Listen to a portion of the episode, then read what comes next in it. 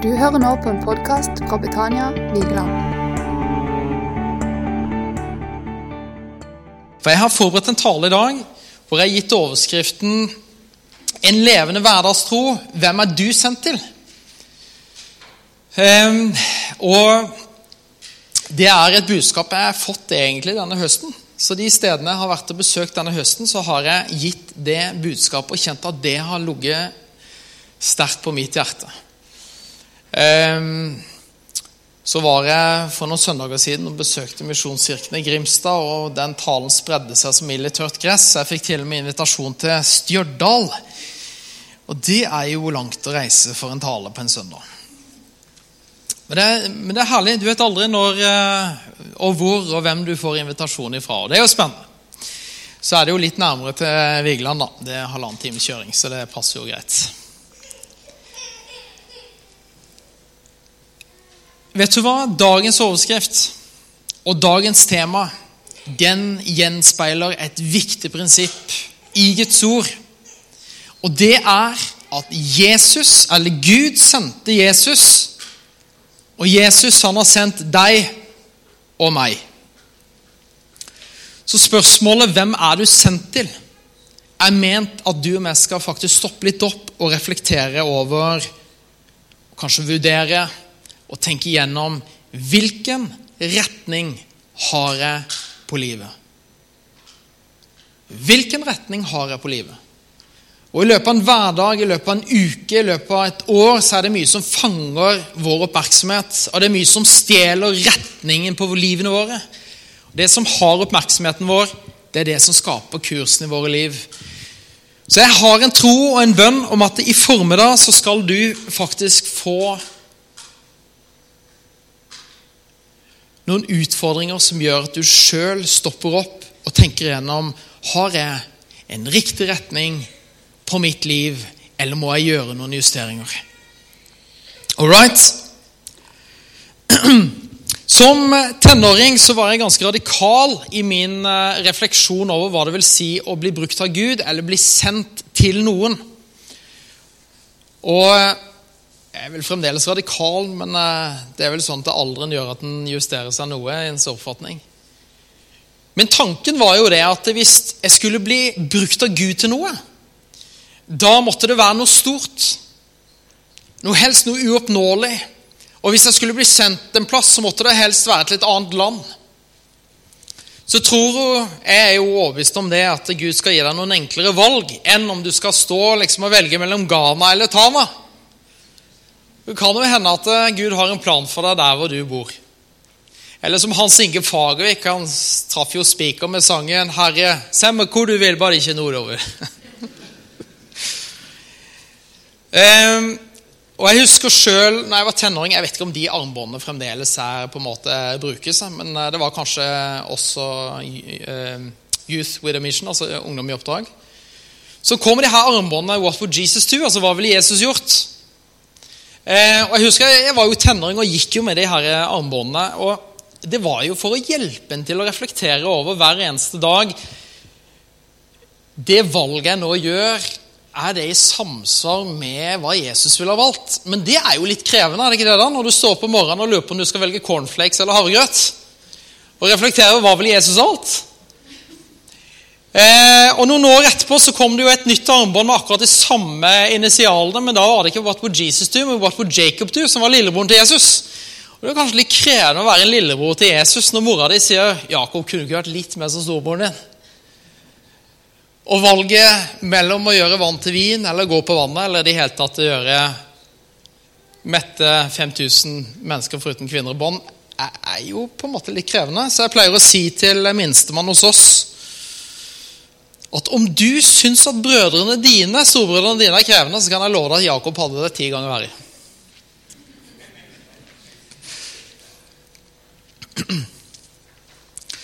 Og en liten digresjon. Vet du hva de kalte Jakob i den første menighet? Han, han ble jo pastor og var jo hyrde i Jerusalem. De kalte han elefantkne fordi han lå så mye på kne og ba til Gud. At han fikk store elefant, altså han fikk elefanthud på knærne. Men eh, Det var kanskje en krevende oppvekst. jeg vet ikke. Livet endres, og så blir man eldre, og så får man en større erfaringsdimensjon, og så ser man det at kirkehistorien, folkens, utbredde seg ikke gjennom kirkefedrene, men gjennom vanlige menn og kvinner som levde et ydmykt liv i sin hverdag. Som besto av familier med en far, kone, barn, en husholdning med gjerne tjenestekvinner. Og gjennom et ydmykt liv så forkynte de evangeliet gjennom gode gjerninger og handlinger og sin tro, som gjorde at evangeliet spredde seg ut over hele verden og er blitt den verdensreligion som vi kjenner i dag. Og Historien som vi skal lese i dag, som jeg har som utgangspunkt for talen, den kjenner dere veldig, veldig godt. Og den handler om naboer. Så du kan jo snu deg til sidemann og si at uh, denne talen handler om naboen min, og det er deg, det.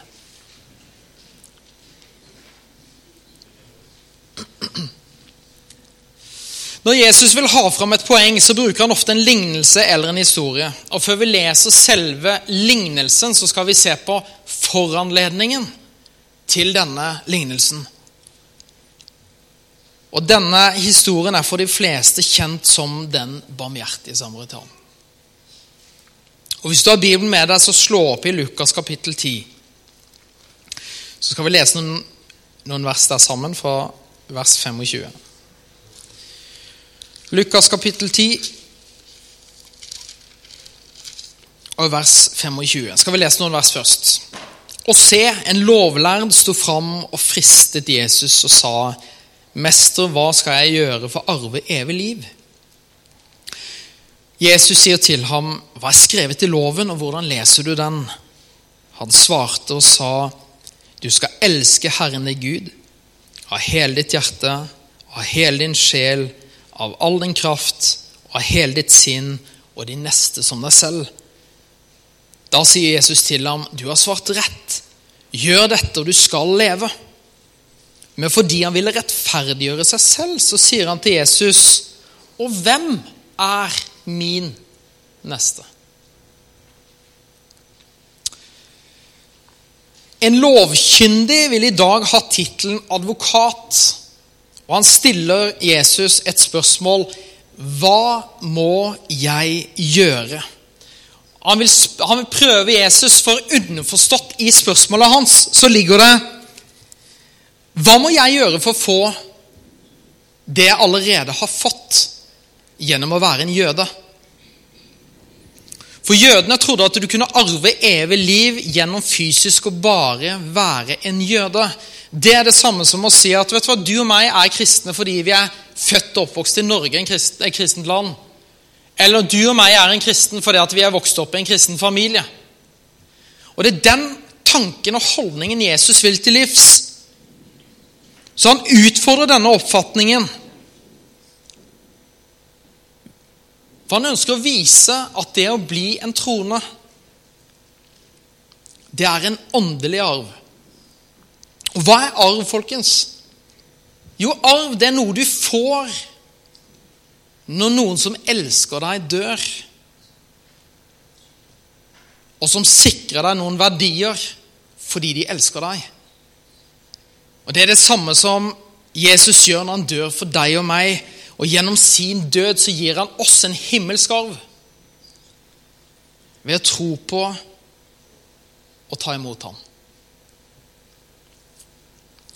Så i vers 26-27 så svarer Jesus spørsmålet fra advokaten med å stille et motspørsmål. Han sier, 'Hva sier loven?' Eller hva sier Toran, altså den jødiske trosbekjennelsen? Og Som en lovlærd så leste han denne to ganger til dagen, og han visste veldig godt hva svaret var på den. Derfor bare siterer han det.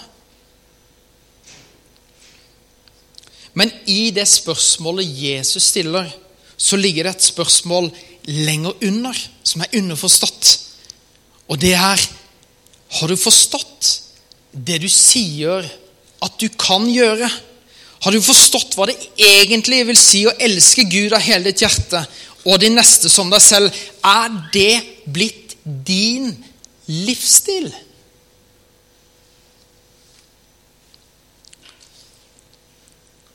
Og I vers 29 så møter du en advokat som har lyst til å rettferdiggjøre seg sjøl. For han er en god advokat. Han vet hva det vil si å argumentere. Og han bruker argumentasjonsteknikk tilbake. Og så sier han hvem er min neste? Altså med andre ord, Jeg har ingen problemer med Gud. Jeg har jo studert hele Gammeltestamentet. Kan det ut og inn? Han vet hvem Gud er, men han har ikke adoptert Guds tanke som sin livsstil. Fordi han prøver å separere hans relasjon med Gud fra hans relasjon med sin neste. Han prøver å skille de to fra hverandre. Gud har ingen problemer med men hvem er min neste? Og Da er det viktig at du forstår hva som ligger i betydningen neste. For det er det ordet Jesus tar tak i. Det store spørsmålet er her.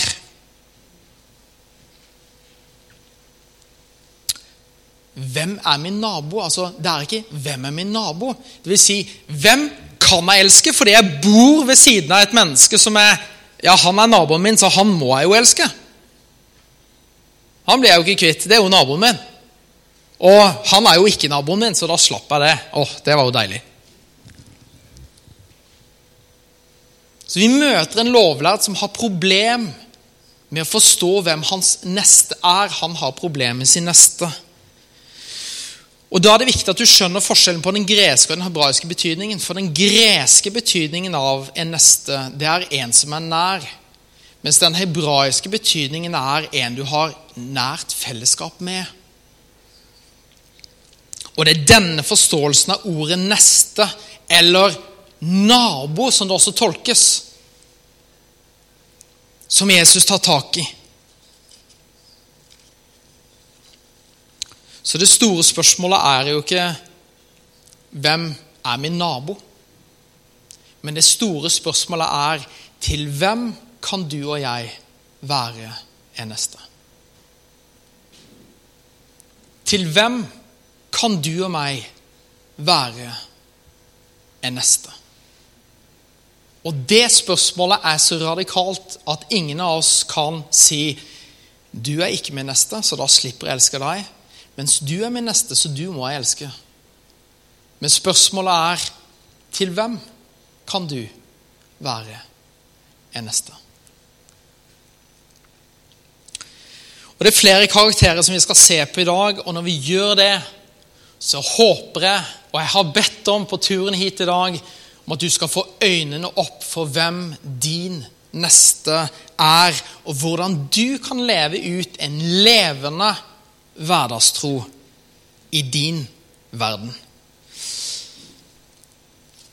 Og Det er flere karakterer vi skal se på i dag.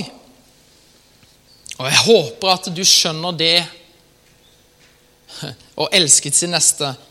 Er det en person i nabohuset? Er det en nær venn? Er det en kollega? Er det en fremmed du møter på gata? Er det et menneske her på Vigeland? Og i så fall, hvordan kan du leve ut hverdagstroen din i praksis? Vi skal lese noen vers til, fra vers 30 til 37. Der står det Jesus tok opp dette og sa, et menneske gikk ned fra Jerusalem til Jeriko, og han falt blant røvere. De tok av ham klærne, slo ham, forsvant og lot han ligge igjen halvdød. Nå hendte det at en prest kom nedover den samme veien, og da han så ham, gikk han forbi på den andre siden. Like så kom en levitt til stedet. Også han så denne mannen og gikk forbi på den andre siden. Men en samaritan var også ute på reise, kom dit hvor han var, og da han så ham, viste han dyp medlidenhet med ham. Så gikk han bort til ham, forbandt sårene hans, helte olje og vin i dem. og Han løftet ham opp på sitt eget dyr og tok ham til et vertshus og tok seg av ham. Neste dag da han skulle dra videre, tok han fra, fram to denarer, ga dem til husverten og sa til ham, stell ham, og hva mer du måtte legge ut, det skal jeg betale tilbake når jeg kommer igjen. Hvem av disse tre synes du var en neste for han som falt blant røverne? Og da sier denne lovlærde, han som viste barmhjertighet mot ham, da sa Jesus til ham, gå du og gjør det samme. Og I denne historien her så møter vi fem personer som vi skal se litt mer på. Egentlig møter vi seks, men den sjette er skjult. Den første vi møter, det er i vers 30, og det er den mishandlede mannen. Hvem er denne mishandlede mannen?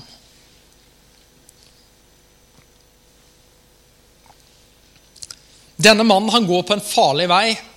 Veien mellom Jerusalem og Jeriko var en avstand på 18,8 mil. Det var en ganske risikofylt vei.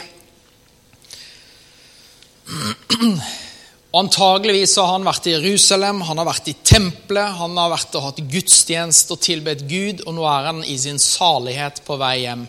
Og i sin salighet, der han minst skulle forvente at livet treffer han som en knyttneve i magen, der møter han livets utfordringer, hvor han blir avhengig av en neste. Om vi klarer å se oss selv i denne lignelsen, så har vi enten vært i denne situasjonen Kanskje du er i denne situasjonen at du trenger hjelp, du trenger en neste. Eller så kommer du kanskje til å bli det. Og det kan til og med hende at du sitter her i dag og kjenner deg midt i en situasjon av håpløshet. Så hvem folkens er den mishandlede mannen? Hvem er han? Jo, det er mennesker som har fått sår i sin kropp, hvor god helse er blitt erstatta med sykdom. Hvor mandag var du frisk, men tirsdag fikk du en diagnose som traff deg helt uforvarent. Hvem er denne mishandlede mannen? Jo, det er mennesker som har fått sår i sin selvfølelse Kanskje noe i ditt liv, i din familie eller på arbeidsplassen har gjort at du har fått en knekk i ditt selvbilde. Din selvfølelse har fått en knekk. Kanskje du mista jobben og har gått etter jobb etter jobb og søkt på jobber, men får stadig avslag. Det er mennesker som er såra i sine følelser. Ensomhet, sorg, angst, depresjon har blitt en hverdagstematikk. Hvem er denne mishandlede mannen? Det er mennesker som er blitt såra åndelig. Mista gleden over frelsen. Kanskje blitt skuffa til og med på Gud og gjort at man trekker seg ut av menighetsfellesskapet. Fordi sårene er så vonde å kjenne på. Eller det er mennesker som er blitt såra økonomisk. Og jeg jobber med privatøkonomi til enkeltmennesker hver dag, og jeg kan si Økonomiske utfordringer har mange ansikter og årsaker. Du og jeg kan være neste. Når vi ser den som trenger oss, og som vi kan hjelpe.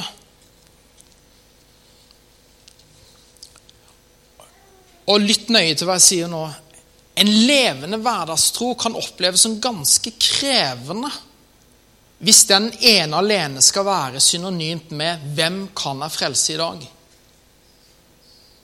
Den stikker så mye, mye dypere enn det.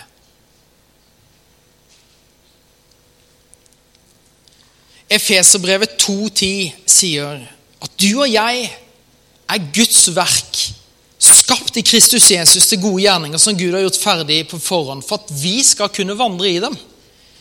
Med andre ord Gud har gjort ferdig noen gjerninger for ditt liv. Så når du står opp om morgenen, så er det ikke sånn at du trenger Gud, hjelp meg å finne opp liksom kruttet på nytt i dag. Han har allerede gjort det ferdig for ditt liv.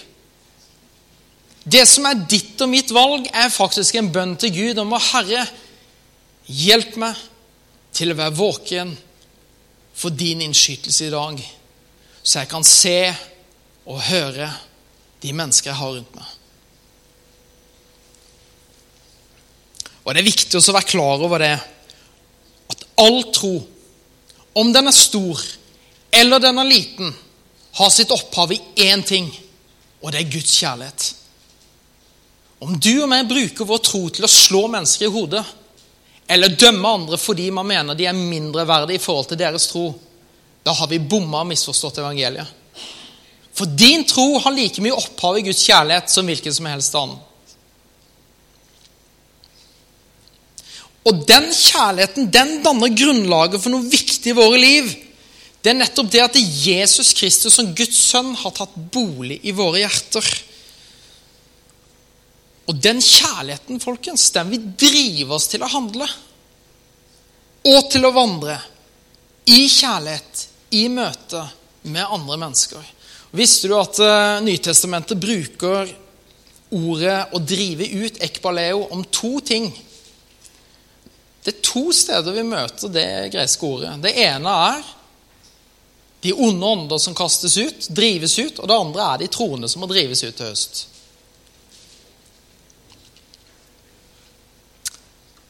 Så er det troen sammen med kjærligheten som driver oss. Og din og min oppgave blir å be Gud, hvem kan du lede meg til i dag? Og den troen er så enkel som at kanskje innskytelsen var når du sto og bakte hjemmebakt brød, skulle gå til naboen og gi et brød, for nettopp det brødet fikk henne til å tenke på Gud. Vi har en nabo som tok imot Jesus på bakgrunn av nettopp sånne varme, nybakte brød ble en åpning til å forkynne evangeliet for henne på sikt. Så var det en dag hvor hun kom hjem og bøyde sine knær i vår stue og tok imot Jesus Kristus. Gjennom at hun fikk ei pose med klær innimellom til guttene. Nybakt brød, middag vi hadde til overs. Er det tro? Det er levende hverdagstro, folkens. Eller som min kone gjorde når ungene var mindre. Hun lagde ei stor vaffelrøre så trakk hun en skøyteledning som jeg hjalp med, fra huset vårt og til lekeplassen i byggefeltet. Og så satt hun der og stekte vafler til ungene. For vi hadde en tanke om kanskje vi skal starte en søndagsskole i byggefeltet. Og da må vi jo finne ut av hvor mange barn det er her, for alle unger liker jo vafler. Og det er jo ikke bare barna som liker vafler, vet du, men foreldrene også. Så til slutt så var jo den lekeplassen full av både barn og foreldre som spiste Anette sine nybakte vafler og lurte på hvorfor vi gjorde dette. Eller en nabo jeg hadde forrige hus vi bodde i, som kom på lørdagskvelden og banka på akkurat idet vi skulle sette oss ned som familie og hogge tenna i Anettes hjemmelagde lasagne. Og sier min mann er på reise, jeg er hjemme alene med ungene, og jeg har fått ved lempa ned i gårdsplassen, og det er meldt snø og regn de neste dagene, og han kommer ikke hjem før om noen dager. Kan du hjelpe? Hva gjør du da? Hva har du mest lyst til? Å bli værende i familiegleden? Å nyte den himmelske lasagnen?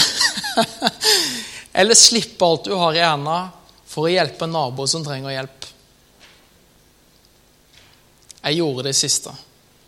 Og vi fikk på plass veden, og når veden var på plass, så sier jeg til henne Du, hvis ikke barna mine har spist opp all den gode lasagnen fruen hadde lagd, så kan det jo seg at det er noe til overs. Er du sulten, skal du ta med ungene og bli med over.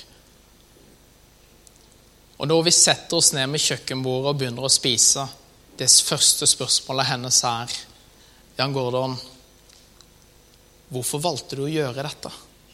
Er det av din tro? Så ble den middagen en prat om troen som fikk en synlighet gjennom å hjelpe og lempe ved.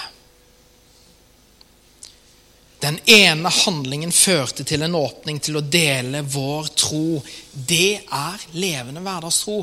Ikke med, ikke med ord, men med handling. Så sprer vi hans liv utover byen og stedet der hvor vi går. Den andre mennesket eller personen eller personen vi møter, det er tyvene i vers 30.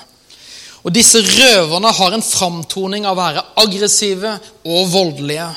Og De er kun ute etter én ting. Det er stjele, ødelegge og om mulig drepe. Og De ligner faktisk på hvordan djevelen er. I Johannes 10, 10 så står det at tyven kommer bare for å stjele, myrde og ødelegge. Det er hans natur. Det er sånn han er. Tyvene tok av mannen klærne, og de stilte ham naken, og de ydmyket ham. Og de stjal fra han verdigheten hans ved å la han ligge naken tilbake. Og mennesker opplever dette hver bidige dag. Rundt ditt liv vandrer det mennesker som har opplevd å blitt fratatt verdigheten og bli kledd naken.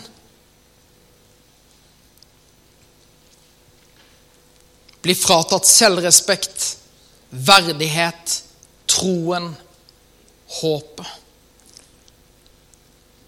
Men Bibelen forteller at djevelen gjorde det samme med mennesket i Edens hage. Da, de, da han tok fra mennesket verdigheten de hadde i møte med Gud.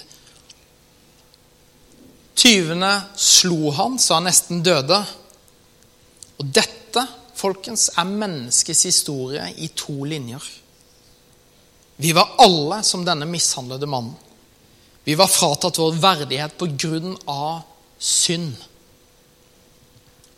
Men Jesaja 53, vers 3-5 sier at Jesus var foraktet og gjort elendig, en smertenes mann, vel kjent med sykdom. Han satte seg inn i ditt og mitt sted. Og han har allerede satt seg inn i din situasjon du er i, der hvor du sitter i dag. Han ble som den mishandlede mannen. Han ble en neste. Og ved hans sår har vi fått legedom.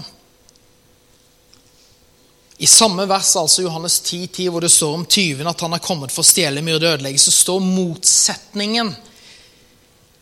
Men jeg er kommet for at dere skal ha liv, og liv i overflod. Guds tanker for deg og meg er utelukkende gode. Og Jeg pleier å si til Anette hjemme at når utfordringer kan komme enten hjemme eller på arbeidsplassen, og vi har stått i noen krevende situasjoner med sykdom på hjemmebane, så jeg har sagt til henne at det står at Guds tanker er høyere enn våre tanker. Sånn som himmelen er høyere over jorden, sånn er hans tanker høyere enn våre tanker. Med andre ord, du vil aldri klare å tenke så store tanker om ditt liv som det han tenker. Og Jakob 1,17 sier at det er ingen forandring eller skiftende skygge hos Gud. Det er bare godhet fra han. Det er bare nåde fra han. Det Bare kjærlighet å få fra han. Fordømmelse det får du fra naboen eller, eller kona eller mannen. Den tredje personen vi skal møte, det er den passerende presten. Og Prestene det var svært religiøse mennesker. Alle prester var levitter. Og De tilhørte den øvre delen av klassesamfunnet. Og I Jeriko, som man er på vei til, der det, bodde det gjennomsnittlig 12 000 prester. Antageligvis har han vært i eh, tempelet, han har vært og hatt gudstjeneste, han òg, og nå haster han på vei hjemover. Og han er full av unnskyldninger. Og det kan jo hende at du kjenner deg igjen i noen av dem. Jeg gjør det. En unnskyldning kan være Nå har jeg vært på jobb i hele dag. Jeg har gjort min gjerning. Jeg har gitt tiende. Jeg har gitt litt utadrettet arbeid. Jeg hjalp jo å løfte border og stoler. Er det ikke nå noen andre sin tur til å hjelpe? Presten forsøker å finne av- og på-knappen for sin tro. Er det sånn at vi kan gå på autopilot resten av uka bare fordi vi var med og bidro på søndagen? Eller en annen unnskyldning kan være jeg har det så travelt med å rekke hjem akkurat nå. Det passer så utrolig dårlig. Og Mitt spørsmål er da er det ofte at vi er så travle. Har vi alltid noe vi må rekke? Og hva går vi glipp av ved å ikke ha tid? Eller det tredje spørsmålet som jeg kjenner meg ofte igjen i La noen andre gjøre det. Det finnes ikke noen andre som er mer kvalifiserte. Og måten han viser sin manglende interesse på, det er faktisk å fysisk skifte side. Han går på den andre siden. Hvem er min neste? Min neste er den som trenger meg, og som jeg kan hjelpe. Den fjerde personen vi skal møte, det er levitten. Og Forskjellen som jeg sa på en prest og en levitt, var at alle prester var levitter, men ikke alle levitter var prester. Også levitten er på vei tilbake til Jeriko, hjembyen. Også han har antageligvis vært i tempelet og lovprist og tilbedt. Men han gjør noe som de fleste av oss gjør. Han velger å se bort og ikke gjøre noe. Han ser, men han velger det vekk. For en del år siden så hadde jeg med familien opp en tur til Gautfall, hvor vi skulle opp og kjøre slalåm. Da var, da var ungene relativt mye mindre enn det de er i dag. Og Det var ganske interessant å sitte og høre bilen på vei opp hvordan eh, de skulle toppe denne eh, bakken. Og Eldstemann som, hadde, som var vant, eller hadde vært og kjørt ski, han var trygg på seg sjøl, så han visste at dette her fikk han til mellomste som sliter med alle tro på seg sjøl innimellom. Han var veldig usikker på om han det hele tatt fikk til å få opp seg de her skia, og bakken var han veldig usikker på. Og så var det minstemann som, som hadde null erfaring. Han skulle bare vise alle hvem som var kongen. Så var det jo sånn at han som skulle vise alle hvem som var kongen, han ble stående i sele resten av dagen, hvor jeg hadde han hengende på en sele foran meg. Mellomste han takla det relativt bra, og eldstemann han så jo ikke noe mer til, for han styrte livet sitt sjøl. Og Jeg må si, jeg er mann, jeg sliter med å ha mer enn to tanker i huet på en gang. Og tre er jo mer enn nok. Så en hel dag i slalåmbakken hadde jeg mer enn nok med mitt eget kjøtt og blod. Så en av de siste turene vi var på, ned bakken Og jeg står der og holder tunga i munnen for styret han er foran i, i, i sele. Så ser jeg bare i sidesynet at det er en far og en datter som sitter i grøfta i bakken og selvfølgelig som Anette stoppe. Og kjente, så, kjente meg så irritert. Dette har hun tid til. Men hun har tid til å hjelpe meg, som skal ha styr på de her ungene. Og Jeg kjente hvordan irritasjonen vokste, og ikke nok med det, men så ser jeg plutselig der kommer Anette durende i fart forbi meg, så så bare bakhuet på henne ned bakken. Og Jeg tenkte ja, det var så mye jeg så til den familiedagen. Men idet vi kommer ned i bunnen av bakken, så har Anette hatt en prat med bakkepersonellet. Og de hiver seg på en snøscooter og reiser opp. Anette valgte å se og handle, og denne jenta her hadde jo brekt beinet. Mens jeg valgte å være en levitt. Jeg hadde mer enn nok med meg sjøl.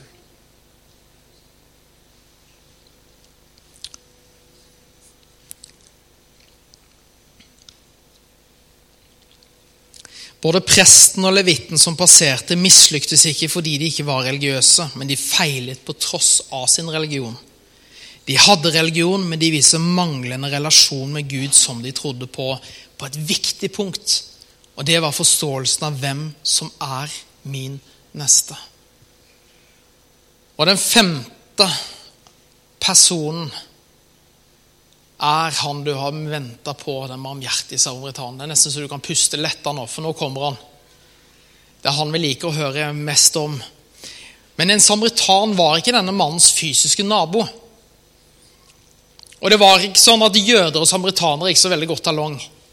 Det var to mennesker som egentlig hata hverandre. Fordi mens jødene var i Babylon, så kom samaritanerne inn og overtok landet og miksa deres religion med den jødiske. Så at en samaritaner skulle hjelpe, det er det samme som at en sigøyner hadde funnet en frognerfrue. Eller en indianer hadde funnet en cowboy. Eller at Saddam Hussein hadde funnet George Bush. Eller at CNN-reporteren Jim Acosta hadde funnet Donald Trump. Så hva kreves det å være neste? Hva kreves det, folkens, å leve ut en hverdagstro? Nummer én det kreves medlidenhet. Vers 33 viser samaritaneren en evne til å sette seg inn i andre menneskers sted. Og medlidenhet stikker dypere enn å bare synes synd på. Den handler, og den gjør noe. Det andre er kontakt.